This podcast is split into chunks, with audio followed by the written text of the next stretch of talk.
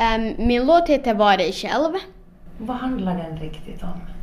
Ehm, att det finns människor i världen som utsätts för grupptryck. Var det någon speciell situation som du tänkt på när du skrev den? Ehm, nej, inte tror jag nu det. När man utsätts för grupptryck, då, vad, vad är det som händer? Hur påverkar det människor? Nå, när det här man blir utsatt för grupptryck så kan det här, man göra saker som blir fel. Om någon säger åt en att ja, gör det där nu, så då, och då är det flera som gör det, så då kan det hända att då tänker man att man ska göra det, ja. Så man lite lockas med, Ja, fast man kanske inte skulle vela eller ja. inte tycker att det är rätt. Så det är en ganska allvarlig låt. Nå, ja.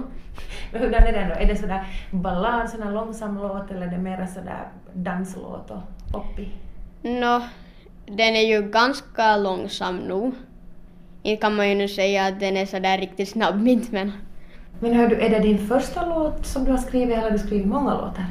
Ehm, det är nog min första låt som jag riktigt har blivit klar med. Jag brukar göra låtar där hemma, som det här. Jag bara kommer på några ord till och så hittar jag på något mera. Men den brukar, de brukar ju aldrig komma till slutet. Det känner jag till. Det är väl roligt att börja alltid men så är det värre att bli klar va? ja. Men s- när du skriver låtar då kommer liksom den här musiken och melodin först eller kommer orden? Du sa om orden, är det de som oftast kommer först i din tanke? Um, Nå orden nog. Spelar du instrument? Ehm, jag spelar piano och trummor. Så när du skriver låtar sitter du vid piano då eller hur, hur gör du? Nej, jag sjunger nog bara. Men skriver du det som noter då eller hur, eller hur gör du? Jag sjunger och försöker minnas. Sen när jag vill det här, sen när jag tänker att den där må- låten så ska jag få. Så då försöker jag ta fram, ja, jag tar ett papper och skriver ner. Har du hållit på mycket med musik då? Nå, jag håller ju på med musik så mycket jag kan och varenda gång jag kommer ihåg det här att sjunga så sjunger jag ju. Är det ditt största intresse, musiken? Nå, ja. Det är det? Ja, det det är tar det. liksom mycket av din fritid? Ja. Sjunger du i körer också eller spelar med andra och sådär? Nå, i- det här, idag så fick vi med det här så fick vi en till skolan så vi får välja om vi vill vara med på några musiklektioner. Så jag tog såklart en lapp så jag ska nog vara med. Så mycket musik som möjligt? Det- Ja. Mm. Nu hör du MGP-finalist. Ja. Det var ju inte så illa det var. Nej. Hur känns det? Nå, fantastiskt. Ja, det gör det. Ja. Du liksom lyckas med det som du tycker allra mest om. Ja. Är det så? Ja, det var ju min största dröm det nu. Så. Nå, när du skickade in din låt, då kunde du tro att du skulle gå så här långt som till finalen? Nej. Du gjorde inte det? Var det en överraskning? Jo. Det var det. Nej, men hördu, grattis får man säga. Nå, tack. Vad har dina klasskamrater och dina, dina kompisar sagt? Nå, de har ju gratulerat mig nu och ja, de har reagerat på ett fint sätt. Mm, inte avundsjuka utan glada för din skull. Nej.